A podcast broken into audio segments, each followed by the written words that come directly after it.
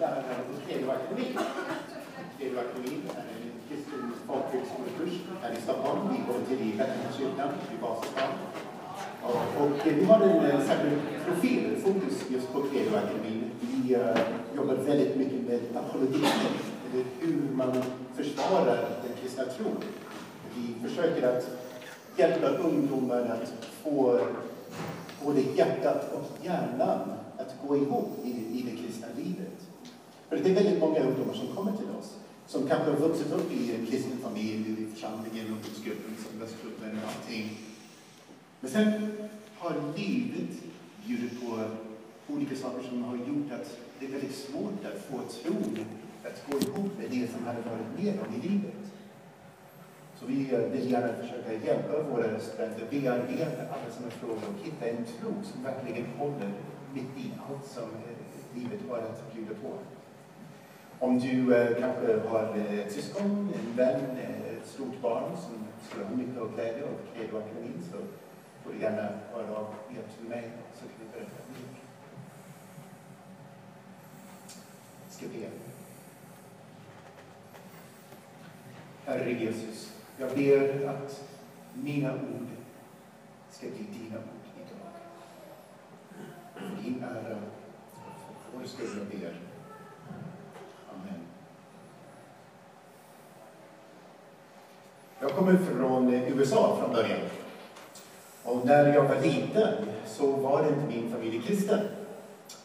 Eh, Vi brukade inte gå i kyrkan eller någonting, men eh, en, mamma tyckte ändå att eh, ja, det är bra att barn får någon slags kristen uppfostran. Så, så. Hon skickade mig och mina bröder iväg till en söndagsskola i en kyrka där i kvarteret. Så det liksom knallade iväg där själva, för att pappa och mamma gick inte i kyrkan. Jag tror att de, vet inte, låg med varandra vi var borta på söndagsskolan. och, och sen efter söndagsskolan eh, så kom vi hem och, och så eh, fick vi sätta oss i bilen och mamma körde iväg oss till eh, dragracebanan. Min pappa var ju tävlingsförare, körde dragracing när jag var liten. Och så varje söndag så var vi där, liksom, han tävlade och sånt och det, det gick oftast ganska bra för honom. Och, eh, sen eh, var det ofta stora fyllefester och sånt hemma hos oss, hos Hells Angels som kom till oss och, liksom, det är ju pappas kompisar. Så jag, jag växte upp i en sån miljö. Ganska otippat för er som känner mig nu. Men eh, sen när min pappa frälst.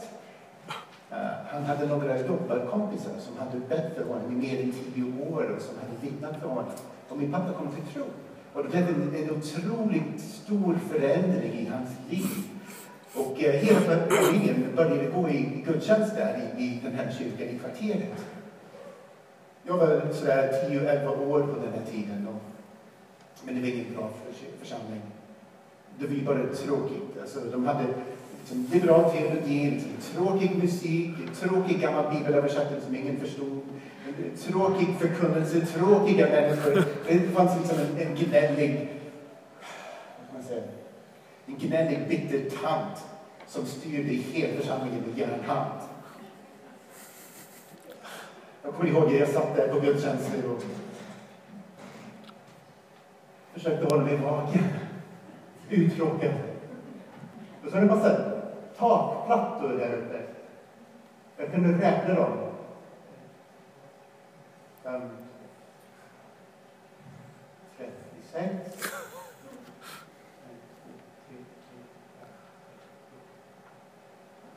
24. 36 gånger 24. Nej, det gick inte att räkna.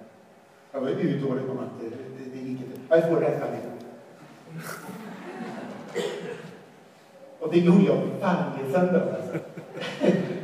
1008 plus alla sådana här halvpapper längst ut på kanten. Så, så insåg pappa och mamma att det inte var någon bra församling så vi började gå i en annan församling. Och det var, jag vet inte om det är mycket bättre, men eh, det var en väldigt sträng fundamentalistisk församling av den typ som bara kan finnas i USA. Eh, där, alltså alla, ja, alla män måste vara renrakade och kort hår och, och, kvinnor fick inte sminka sig, fick inte gå i byxor eller så. Man ska ha helst lång kjol eller lång klänning där. Alltså, de trodde verkligen att de var den enda frälsta i hela världen. Alltså, metodister, eh, presbyterianer, lutheraner och sånt, de behövde bara bli frälsta. Helt enkelt. Katoliker, de är ju med i världens största sekt. De talar i tungor. De har bara demoner inom sig. Det är bara liksom, det är inget mer snack om saken. Ja. Men eh, det var verkligen ingen som somnade på gudstjänsten där. För att annars så fick man en tillsägelse från predikostolen. Och istället för att den här församlingen spred Kristus kunskapens doft så luktade det mest bara eld och svavel.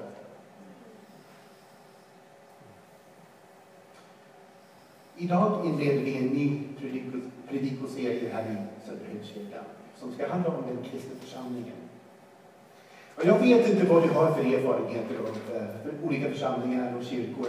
Du är kanske är här för första gången idag och du kommer in och tänker, men vad är det här för någonting? Här finns inget orgel, ingen, inga bänkar och människor sitter och dricker kaffe och äter äpplen på gudstjänsten. Vad är det för något? Eller för dig, din tidigare erfarenhet har kanske sagt att församlingen är bara tråkig och irrelevant.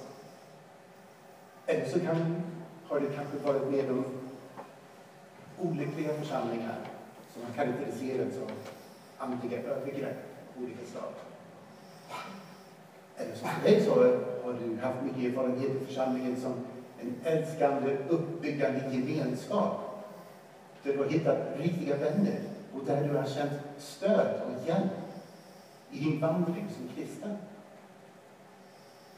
Oavsett hur din tidigare erfarenhet av den kristna församlingen ser ut så hoppas jag att eh, du blir glad att du kom hit till Söderhöjdskyrkan idag. Jag vet inte om ni kommer ihåg en gammal tv-serie från 80-talet, alltså reprisen går fortfarande på tv, som heter Skål. Känner ni igen den? Ni har sett det? handlar om en bar i Boston, en riktig bar, jag har varit där en gång. Uh, en bar i Boston och så finns det en massa stamkunder och sen barpersonalen där. Och hela serien kretsar runt dessa personer. Och de kommer, och de, de lever livet tillsammans. Alltså, de kommer med sina brister, med sina styrkor, med sin egen personlighet och, och de är älskade, accepterade bara för det som de är, precis som de är. Och i vinjettlåten till den här serien, Spår, så finns en fantastisk text som handlar om hur vi har ju alla möjliga problem i livet, i vår vardag.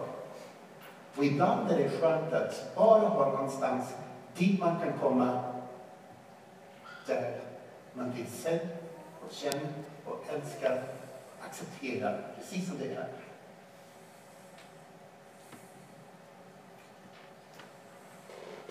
Så ska den kristna kyrkan se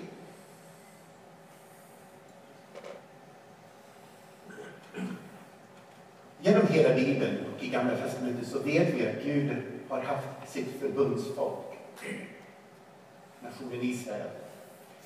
Men trots att Israel har varit Guds förbundsfolk genom hela Gamla testamentet så ser vi ändå att det var något verkligen nytt som började på den första pingstdagen. Vi hoppar lite i förskott här, pingst kommer inte förrän några veckor. Men på den första pingstdagen så ser vi att alltså, när Jesus var här på jorden, då hade Gud själv inkarnerat och vandrat omkring här i drygt 30 år. Och sen förra veckan så firade vi påsken och, Jesu uppståndelse och hans seger över döden. Och några veckor efter det så träffade Jesus sina lärjungar en sista gång. Och han sa till dem att stanna kvar här i Jerusalem och vänta tills den heliga Ande skulle komma. För att sen när den heliga Ande skulle komma över lärjungarna så skulle de finnas med kraft och kunna föra ut evangeliet till hela världen. Och så ser vi på den här första pingstdagen när den heliga anden föll över ett hundratal lärjungar. Och vi ser att människor från hela det romerska imperiet som var samlade i Jerusalem fick höra ett budskap från Gud på sitt modersmål. Men det var ju lärjungar som inte kunde tala dessa språk som förkunnade och alla dessa möjliga språk. Och sen kommer Petrus och ställer sig upp och predikar och för, förklarar för folkskarorna vad de har varit med om. För vad betyder allt det här som de har sett och hört och varit med om?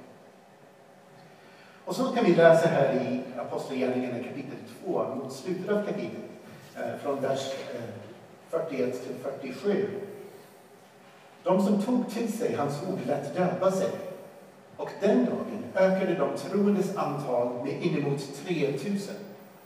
Och de deltog troget i apostlarnas undervisning och den inbördes hjälpen, i brödbrytandet och bönerna. Alla människor bävade, många under och tecken gjordes genom apostlarna.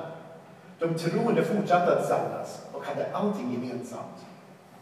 De sålde allt vad de ägde, allt vad de hade och delade ut åt alla efter vars och ens behov. De höll samman om möttes varje dag troget i templet och i hemmen bröt de brödet och höll måltid med varandra i jublande, uppriktig glädje. De prisade Gud och var omtyckta av hela folket och Herren lät var dag nya människor bli frälsta och förena sig med dem. Nu är det många teologer som ser den här texten och den första pingstdagen som den kristna kyrkans födelse. Och vi ser i den här texten olika frukter som kommer att karaktärisera den första kristna, den första kristna kyrkan. Vi ser sakrament. Vi ser att de identifierade sig med Jesus och med den kristna rörelsen just i dopet. Vi ser också undervisning. undervisningen, det var någon som förklarade, de som hade varit med om något alldeles unikt, alltså allt med Jesus och allt som hände med korsfästelsen och uppståndelsen bara några veckor tidigare och nu med den heliga anden som har utgjutits.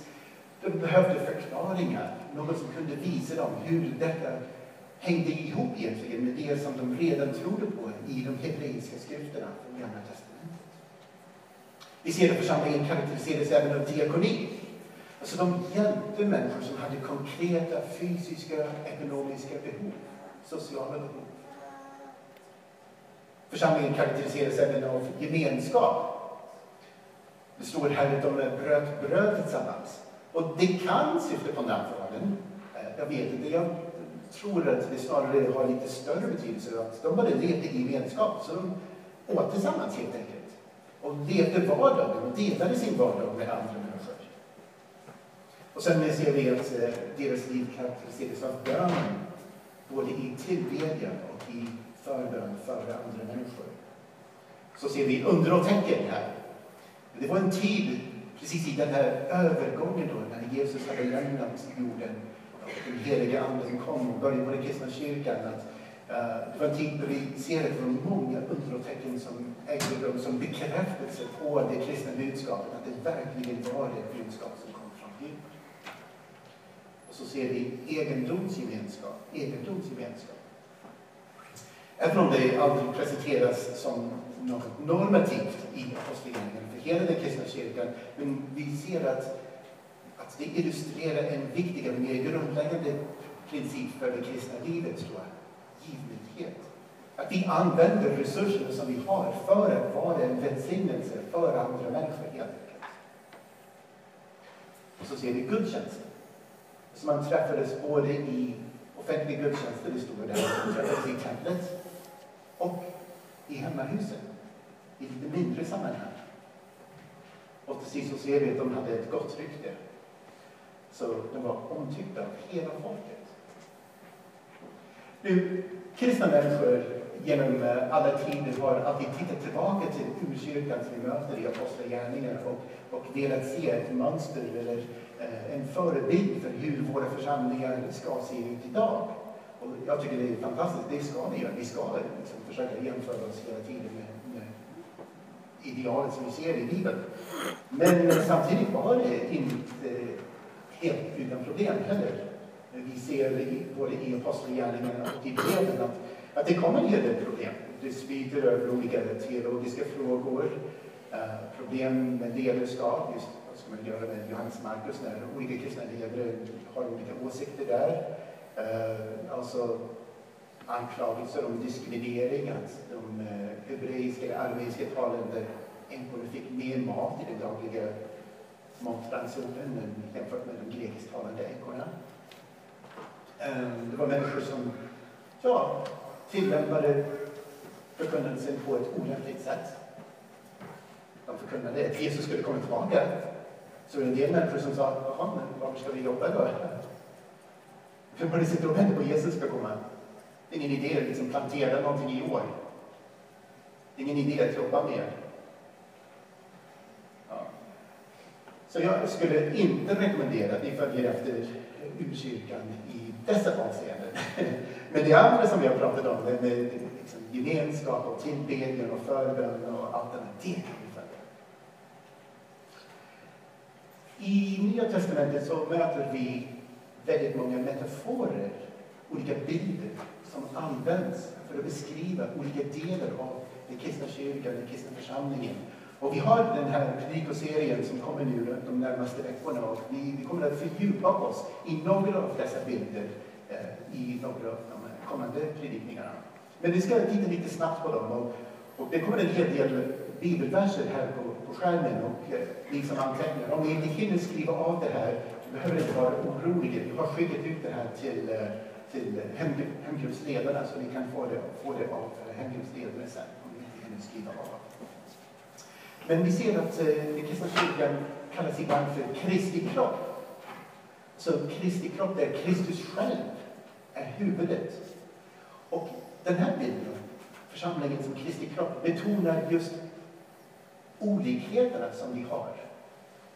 Så alla har vi olika nådegåvor som Gud har gett oss. För att vi tillsammans kan fungera som en enhet för att ära Gud och för att visa världen vem Gud är. Vi ser här i Första Korinthierbrevet kapitel 12 ett, ett relativt långt avsnitt som handlar just om församlingen som Kristi kropp och de olika nådegåvorna. Och där står det, med en och samma ande har vi alla döpts att höra till en och samma kropp. Och lite senare där, och ni utgör Kristi kropp och är var för sig delar av den. En annan bild som vi ser av den kristna församlingen är just ett tempel, eller en byggnad. Och ofta när församlingen beskrivs som ett tempel eller, eller en byggnad i Nya Testamentet så ser vi att eh, Kristus också finns där som hörnstenen grunden som hela templet, som hela byggnaden bygger på, vilar på. Bland annat så har vi i Efesierbrevet kapitel 2, vers 21-22, där det står genom honom, alltså genom Kristus, hålls hela byggnaden ihop och växer upp till ett heligt tempel i Herren. Genom honom fogas också ni samman till en andlig boning åt Gud. En tredje bild som vi har i Nya Testamentet över den kristna församlingen är en fårajord. Så en massa får. Inte så smickrande kanske. Får är ganska dumma djur. Ja. Men eh, vi har eh, bland annat i Johannes evangelium kapitel 10, ett ganska långt avsnitt där, där vi beskrivs som får och Jesus som den gode herden. Sen har vi även i breven fortsättningen på den här bilden där vår församlingsledare kallas för herdar som ska ta hand om fåren, så människor i församlingen. Så har vi en annan bild av församlingen som är Kristi brud. Det väcker lite otrevliga tankar för många av oss här i Sverige tyvärr. Eh, men det är en väldigt vacker bild som vi har i Nya Testamentet som betecknar inte bara en person utan alla troende människor. Och eh, här, den här bilden av församlingen som Kristi brud betonar just den här kärleksrelationen som finns mellan Kristus och med troende människor. Han älskar oss så mycket, han har utgett sitt liv för oss. Och han lever i ett, ett förbund med oss. I Johannes evangelium kapitel 3 och vers 29 står det Brudgummen, den som har bruden, brudgummens vän som står och hör på den, kläder sig av brudgummens röst. Så har vi lite andra bilder av församlingen som kanske inte upprepas lika många gånger i Nya Testamentet. Vi har ju en åker i Första Korinthierbrevet 3 vers 9. Vi har ju Guds medhjälpare och ni är Guds åker och Guds bygge. Det har vi också en andra typ byggnaden. Och sen en familj. Det finns ingen specifik text som säger att liksom, kyrkan är Guds familj eller så, men vi har ju den här bilden av Gud som fader. Och väldigt många gånger i, eh, i, i brevet så, så ser vi att de olika brevförfattarna, Paulus och Petrus och andra, skriver just till våra bröder och min syster och liksom våra syskon i tron. Paulus skriver till sina andliga barn. Så vi har den här bilden av en familj eh, som bildar den. Och en sista bild som jag skulle vilja ta upp här är sakramentet. Nu, det finns ingen specifik bibeltext som kallar kyrkan ett sakrament, för att ordet sakrament finns inte överhuvudtaget i Bibeln. Intressant nog. Um, men om vi ser att en av kyrkans viktiga funktioner är att vara ett, ett nådemedel. Någonting som förmedlar Guds nåd till människor. Då är hela den kristna kyrkan ett sakrament.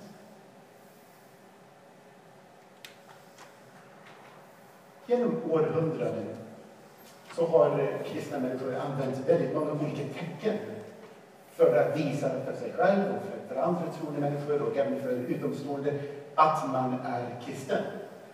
Bland annat så har vi ju fisken på bilen. Är det någon som har fisk på sin bil här? Ingen? Det är ingen som vågar erkänna det. Eller korset runt halsen. Det är säkert flera av er här som har korset runt halsen idag. Eh, och ibland i vissa subkulturer inom den kristna kyrkan så har vissa frisyrer eh, karaktäriserats kristna. Liksom man, man, har den där pigstantbullen där eller någonting. Eller eh, tonsyren som munkarna på medeltiden behövde liksom raka av sig skallen här.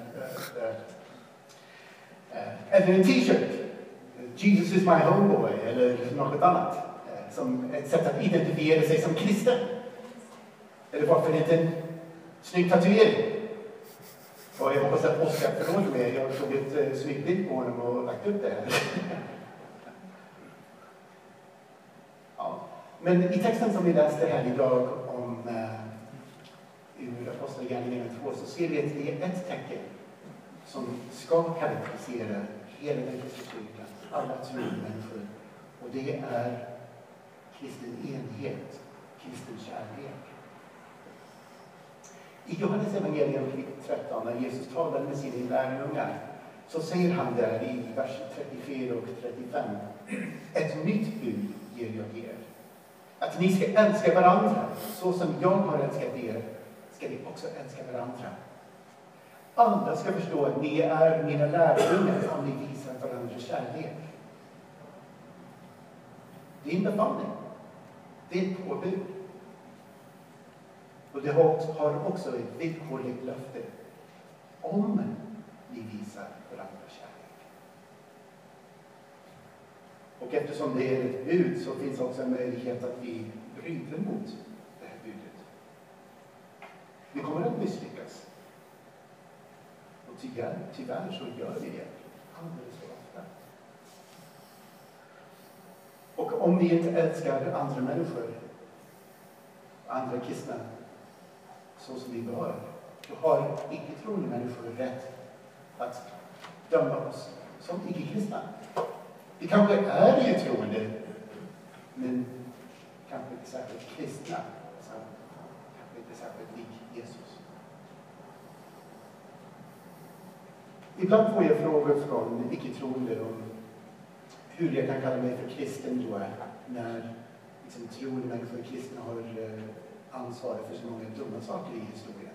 Med korstågen och inkvisitionen och hetsjakten och eh, ja, pedofila präster och allt annat som människor har gjort, kanske i kyrkans namn eller i Jesu namn. Och eh, jag brukar alltid svara på frågan med en egen fråga som jag ställer tillbaka. Alltså, jag säger, men tycker du att alltså, pedofila präster eller skumma tv-predikanter är lik Jesus. Det tycker inte jag. Och ibland använder man den här, man använder den här frågan som en slags spekmanöver eller en slags sken då för att döljer det egentliga problemet att man är ovillig att ta Jesu anspråk på största allvar. När Jesus, så Jesus kallar människor inte att följa God hates fags pastorn Fred Phelps. Eller inte att bli som en pedofil präst. Utan Jesus kallar människor att följa honom och att bli helig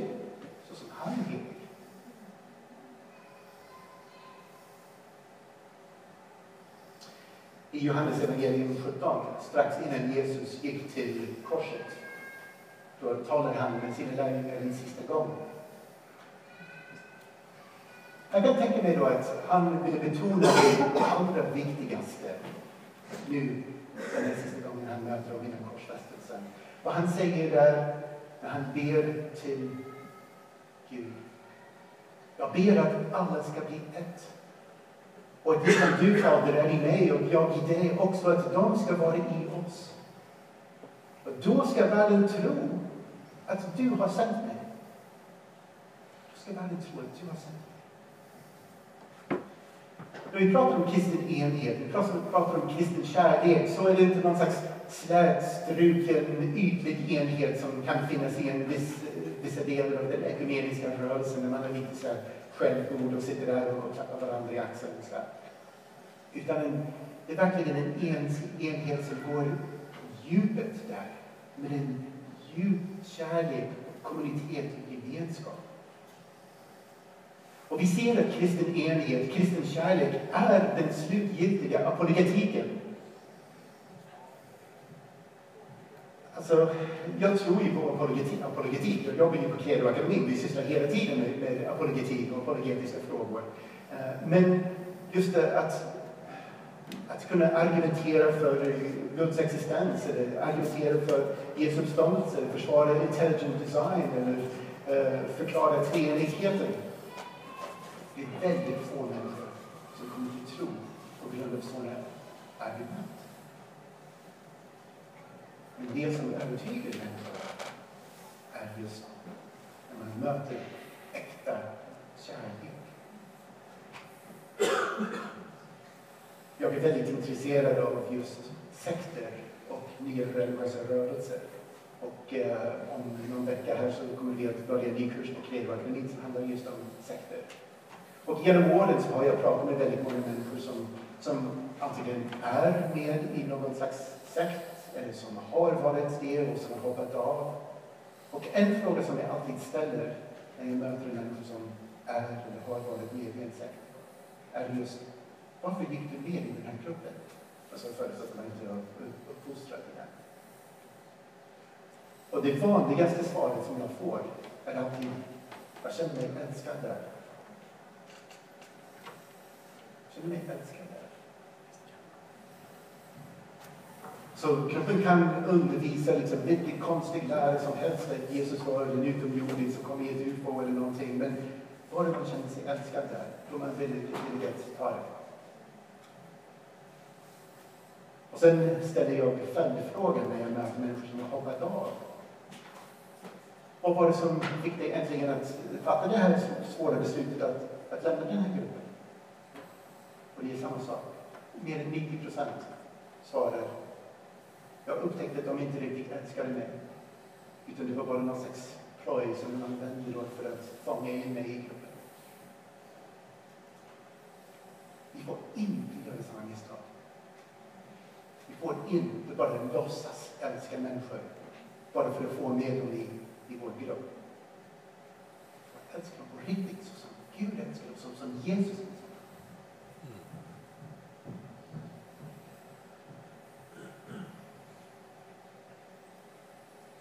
det är ju risky business, det som vi håller på med. För att i Johannes 13 så sa Jesus att om vi inte visar kärlek till våra trossyskon, då har världen all rätt att bedöma att vi inte är kristna. Och sen i kapitel 17 så säger han, om vi inte visar kristen enighet så har världen rätt att vägra tro på Jesus. Det är stort.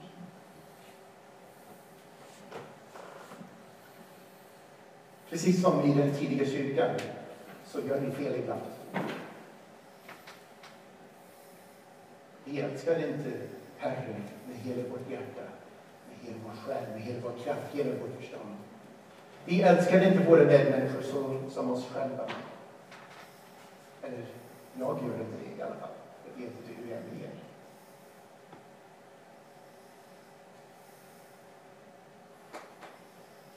Visst tror vi att Gud kan göra under?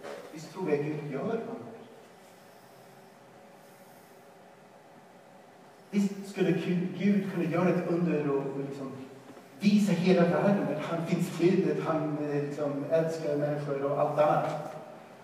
Men istället så, så vill han använda oss bristfälliga människor för att göra sitt verk här innan.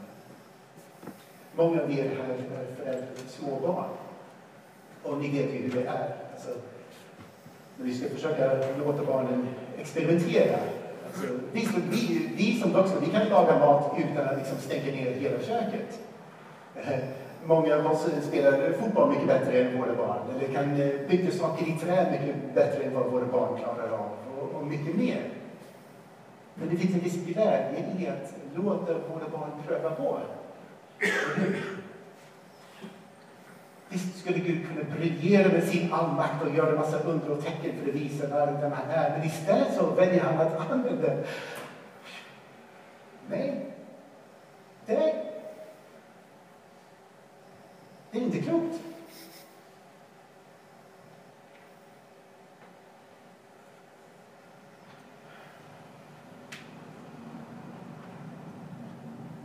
Nu när den inkarnerade Jesus inte längre finns här ibland oss och vi har den heliga Ande inneboende i oss som kristna människor så blir vi faktiskt, den kristna kyrkan, en fortsättning på inkarnationen.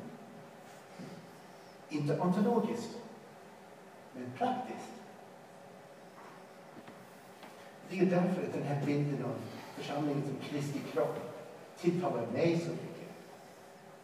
Så alla troende människor med sina olika förutsättningar, personligheter, nådegåvor, intressen, förmågor jobbar tillsammans i enighet för att visa världen vem Gud är. Den kristna kyrkan och vi här i Söderhamnskyrkan, vi är långt ifrån perfekta. Men för en del människor så är vi den enda möjligheten som världen runt omkring har för att se